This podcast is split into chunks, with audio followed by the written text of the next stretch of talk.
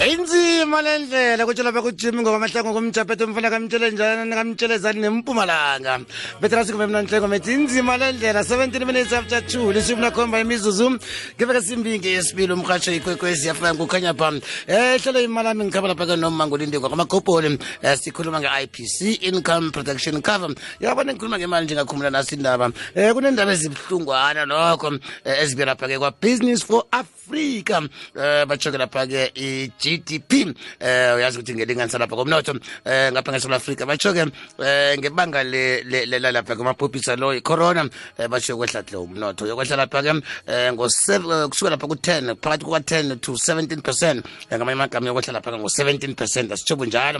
Um batsho uzabe ubilele kasithandathu namtshela kakhomba eh ya solo wehla so. Ngamanye amagama um silindele okumbi hle um batsho ngomnyaka ka-2008 ngomnyaka ka-2008 um yakhe yahlatshela ihlela phake ke-gdp um ngapha ke-south africa yehla ngo-1.5 percent ya ngo-2008 1.5 percent kodwa kodwana nje bashilindeleke ukuthi yehle ngo-17 percent. Uyakhumula umongameli babo siril ramaphosa ukhulumile phambi kwayizolo wathi amaselo africa akalindela okukhulu okumbi um kunalokhu akubona nje. Phuma lapho vusu khuluma nge-ipc noma umagobhula sakwamukela kukwekwezi fm akwanto simsavukile nokho hawa sivukile ma eh, mavukwana bani nje sikhuluma ngayo lapha-ke umabhubhisa i-coronavirus?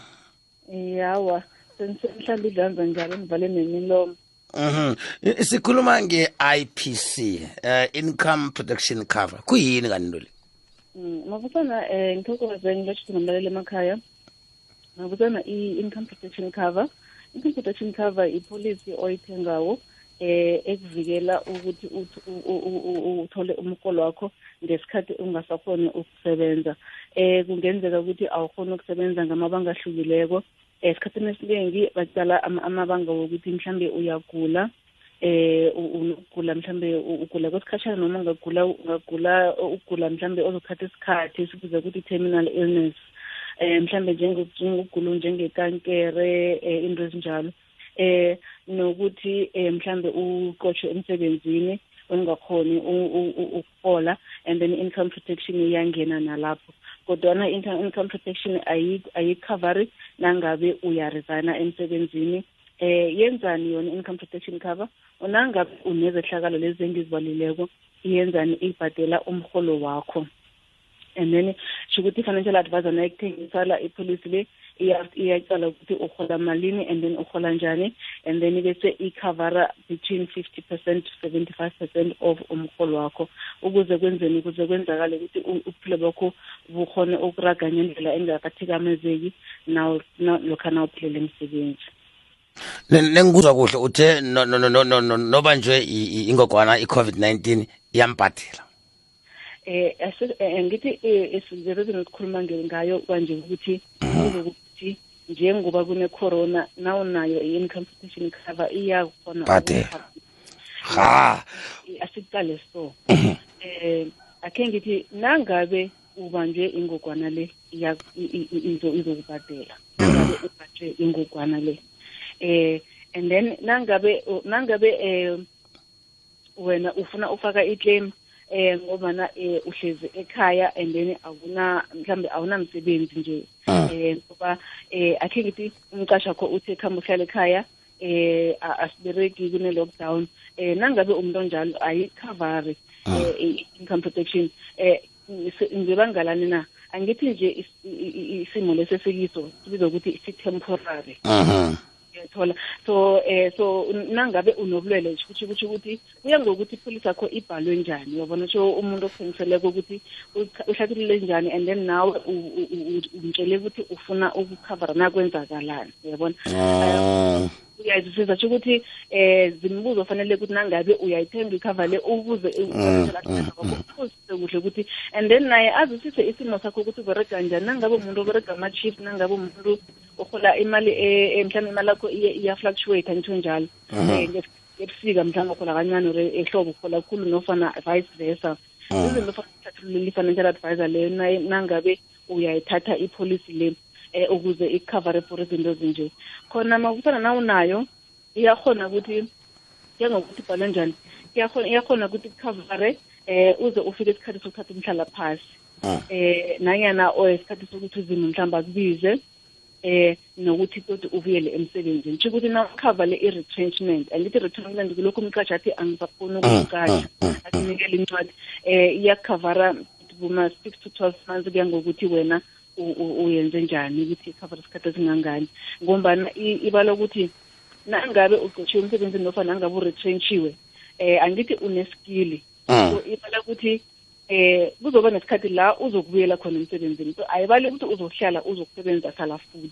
Mm. usasebenza sala futhi. Yangizisa ngiyakuthola ya U- u- uyazi mama gobholo usakhuluma ngokuklima njalo. Eh, amapholisa amaningi faneke ngibone. Eh, nangabe mhlambe umuntu wecisile inyanga ubhadela kubodlana njalo njalo. Eh, bagcina bangakabhadeli na- lokha le yona leyo nayisebenza kunjani mhlawumbe wecisile inyanga eh, uyaklima bakubhadela eh so akhe ngithi eh eh, makusana iberega i-insurance angithi Mhm. So, isebenza njengezinye insurance so kwafanele ubhadele i-premium yakho ibe up to date. Wo. Eh m- m- itsho ukuthi i- angithi nongakabhadeli for two months i- i- inyanga yesithathu iyalapse ipolicy itsho ukuthi iyavala ama-benefits akhona ayavaleka. Mhm. eh eh, akhe ngithi nokho eh akhe ngithi mhlawumbe eminyakeni emihlanu edlulileko i-insurance industry izamile ukuthi ithole in- indlela zokuhalebha umu- u- u- umthengi nangabe nangabe mhlambe uwe ukhonile ukuthi ecise kanye kabili. Eh ngendlela yokuthi mhlambe omunye omunye insurance yakhona ukuthi ucisa inyanga eyodwa okay nongabhadela i-premium leya and then sizokure-instate ama-benefits wakho ikhona ukukubhadela. Mm. ukuthi ya ukuthi bayakhona ukuthi bakhulumisane nawe okhona ukuthi um- um- umlaleli azwisise and then akhona uku-approacha i-insurance yakhe athi mina nginesimo esiso yabona? Ah. ukuthi ungasithwala imikhono ehloko ukuthi hawa ngeze bangibhadele ngoba kuthona so uyabona? So bayakhona ukuthi bakhulumisane nawe bazwisise. Abanye bayakhona nokuthi bathi kuma-benefit la wakho bathi okay sizokwenza i-benefit yakho mara sizokuthatha ama-premium lawo wakolodawo Aha. ubhadelele eseleko so kuyakhulunyiswana. So ungathi ngoba wecile uthwala imikhono ehloko and then ungakhulumisani ne-insurance yakho. Orit alo muntu uyazibuza ukuthi um isibawo ngisifaka njani? Bayokufuna ini ebufakazi ukuthi mhlambe akunamholo ngikutholako angisebenzi. Eh, ngifaka njani? Ngenza njani ikambiso? Ya so kusho ukuthi kuye ngokuthi ukhavare ikhava yakho ikhavare ingozi ezinjani? Sho ukuthi mhlambe ukugula nofana ukuqoshwa emsebenzini mean ukurelease not ukuqotshwa ukuqotshwa eh u- usho ukuthi eh ukuthi itriggerwa yini. Kusho ukuthi nangabe akhe sithi uyagula nje une ubambe i-covid-19 and then u- u- i- i- i-insurance yakho izokufuna incwadi evela kudokotera angithi eh esatisfya ukuthi udiagnosiwe ngayo i-covid-19 um na- and then nangabe eh uretrenchiwe eh ifuna incwadi eh, eh, le- yona leyo umqashi akunikela yona ukuthi eh awusakhona ukusebenza and then bayayiprocess i-claim yakho nangabe unama-waiting period nakhona azoba effective. Akhe ngithi mhlawumbe une-waiting period e-fifteen days.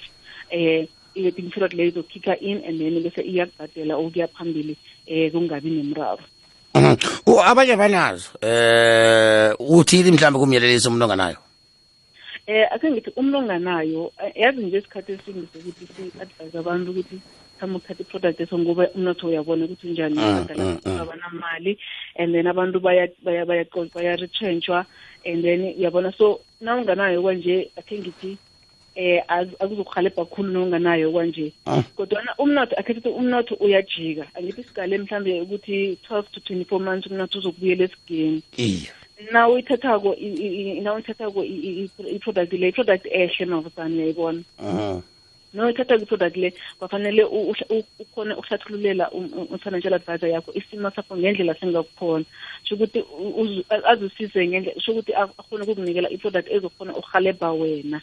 Uyabona? Aha. ingafani neyakamakhelwane wakho. Angisho eh ama-circumstances wethu akafani njengobasibabantu sho ukuthi ikhona uhalebha wena mhlokho mhlana eh uyifunako. Nokho yona i- i- i-product ehle ukuthi uyifake endweni zakho ngoba ngithi singazi njengoba nje uyabona sicalene ne-covid-19 eh kade singazi ukuthi kuzoba nesimo esiso nomuntu nakathethe kwekhava leyo uyakhona ukuthi imhalele Mhm. U- u- u- u- omunye umuntu mhlambe angazibuza athi eh nangu uma umakobholo uyakhuluma eh ukhuluma ngamapholisi njalo njalo eh mhlambe nguye oziphetheko zitholakala kuye. Eh, ungayifaka noma ngiphi? Enye nenye insurance iya- iyakunikela. Ya i- i-finance house enye nenye eh ake ngithi i-life insurance ne? Not i- i- should i-life insurance ngile covera abantu amaphilo abantu njengama-funeral policy nama-life cover. Lezo ama-finance house ayazikhavara eh not i-short term i-short term ngilezi ezikhavara inkoloyi nepahla nani nani eh kusho ukuthi unga any finance house inayo nedi wafanele ukuthi ucale ukuthi uyikhavara njani ngisho asithi omunye omunye zokuthi singakhavara up to 100% of umholo wakho not 75% mara uthola ukuthi i-premium yabo mhlambe iphezulwanyana kunabanye. And then omunye mhlambe athi ngingakhavara up to 50% noma omunye athi ngingakhavara up to 12 months uyabona? Uyabona? So kwafanele ucalisise izinto lezo ngodiscussa ne-financial advisor ngaphambi kokuthi usayine ipolicy leyo. Hmm. ya sele siyisonga ke mhlambe ke amagama akho okugcina bositshele ukuthi sikufumana kunjani eh mavuthana eh khe ngithi nangabe unayo income protection cover and then unayo ibulelo lobu eh fonela i- i- i- i- finance house yakho ubuze ne ukuthi ipolisi leyo angeke ifune ukukuhalebha nama ngabe nama ngabe akhe ngithi bona nama ngabe abantu baretrentshiwe nje abaningi bakhitshiwe emsebenzini eh kuyenzeka kube nesikhathi sokuthi abantu babe nama-benefit emsebenzini bangabi bangawazi. Ngithi mhlawumbe umsebenzi ubhalisiwe eh unama-life cover unani ama- ama-life cover lawo amanenjwa ngumqatshi uyabona? Mhm. Bakhona abantu abana abanayo i-income protection leyo via umqatshi so kwafanele ukuthi ufone ufonele i-finance house leyo nofa emsebenzini umuntu ubuze ukuthi mina i-cover eso anginayo na? Ubone ukuthi angibahalebhe kanjani. Nokho siyatholakala emtatweni ku-zero eight two three one seven double seven six eight ne-facebook page yethu imatsheleni eh ufike lapho uthanda khasi Mhm. sithokoze kangangani ilwazi osabelele lona nomlalezi kokwezi FM ungalahlala ngomuso. thokoza thina mabusana aha. Kwelaphake ulindiwe makopoli um eh, ngalelaphake eh, ihlelo yimalama asitshela ngalelaphake ina eh, ngelaphake i-ipc income protection cover esemzwile ungamthinda ke ku-082 31 triple 768 082 31 triple 768